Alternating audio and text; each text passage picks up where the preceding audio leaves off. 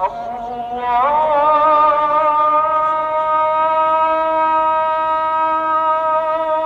أكبر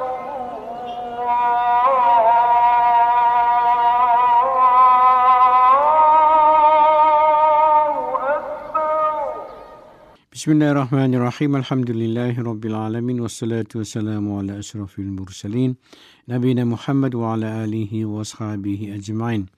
Geëerde luisteraars, assalamu alaykum rahmatullahi wa barakat. Ons groet u en u se familie en hoop dat u en u se familie in goeie gesondheid verkeer.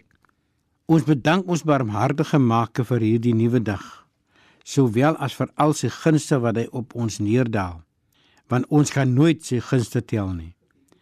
Die Koran sê vir ons in Sura 2 vers 158: Inna Safa wal Marwa min sha'airillah Waarlik, Safa en Marwa, dit is die twee heuweltjies, een word genoem Safa en een word genoem Marwa. Naby die Kaaba in Mekka is van die simbole waarna ons maak verwys.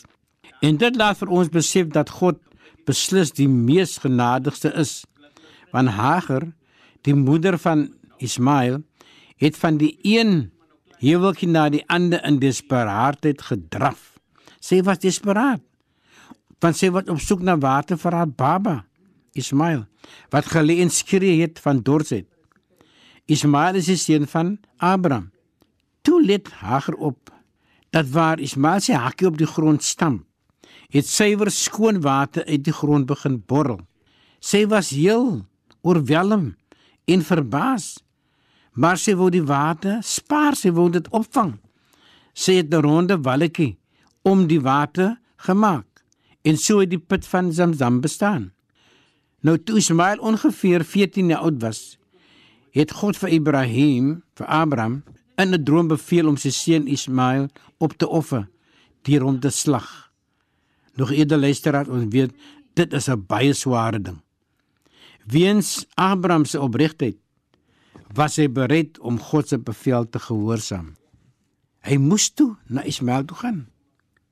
En toe Abraham vir Ismael hieromtrent inlig, het Ismael geantwoord: "Satajiduni, o my vader, u sal vind dat ek indien my maakem van die geduldiges is.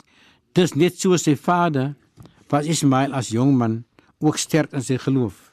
Op weg na die plek van die opoffering was Ismael deur Satan getart. As Satan dit gedoen het, sal ons by verbaas gewees het.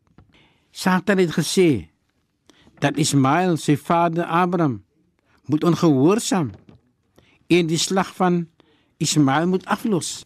Maar Ismael het vir Satan met klippe bestook dat Satan het vir Ismael in vrede gelaat.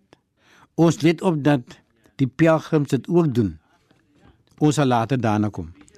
Toe is maar gereed lê vir die opoffering, wou die mes nie sny nie. Deur ons God se genade en Allah ons Maker het vir Ismael met 'n skaapie vervang. Wat 'n wonderwerk. Dis soos ons sê deur ons Maker se genade en liefde.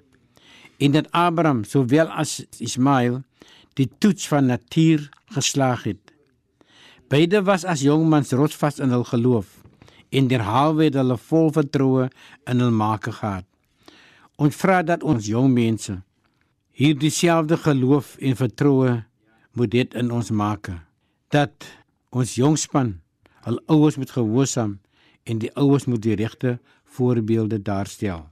Geëerde luisteraars, kom ons vra.